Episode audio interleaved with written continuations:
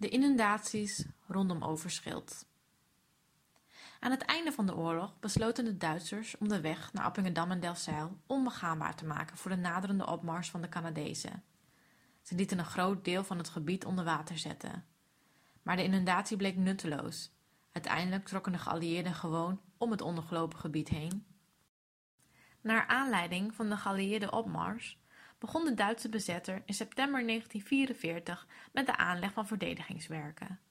Nederlandse mannen werden gedwongen tot het graven van schuttersputjes en loopgraven en bij Delfzijl werden tussen 18 en 20 september de zeesluizen opengezet. Het doel van deze zogenaamde inundatie was de provinciale weg tussen Groningen en Delfzijl onder water te zetten. Het plan mislukte jammerlijk. De weg bleek hoger te liggen dan gedacht en bleef vrijwel droog. Een groot deel van het gebied tussen Damsterdiep en het Eemskanaal kwam echter onder een halve tot twee meter water te staan.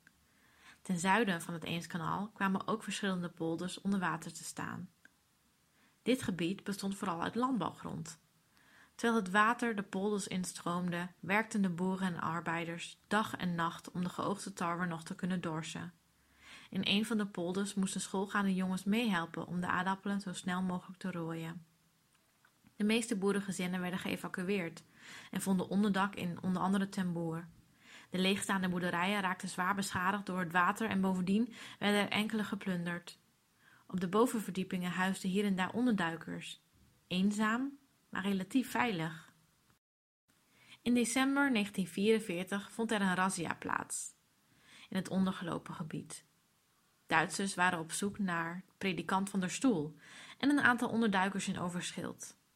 Maar het was stormachtig weer. Vier landwachters stapten in een bootje, maar het sloeg om. Een van de drenkelingen kon worden gered. Twee lichamen werden een dag later geborgen, maar het derde lijk werd pas half februari ontdekt, na het invallen van de dooi. In de strenge winter veranderde het geïnundeerde gebied in een enorme ijsvlakte. Dat betekende maar één ding: schaatsen. Zelfs voor de onderduikers. Veldwachter Bos ging op zijn vrije zondagmiddag ook even schaatsen, maar dat hield hij niet lang vol. De reden? Hij zag overal onderduikers en het was eigenlijk zijn plicht om die te arresteren. Dat wilde hij liever niet, dus dan maar niet schaatsen. Na de bevrijding werden de ondergelopen gebieden al in mei weer drooggepompt. De landerijen hadden zwaar te lijden gehad onder het zoute water, maar met kalk werd geprobeerd de kwaliteit van de grond te verbeteren.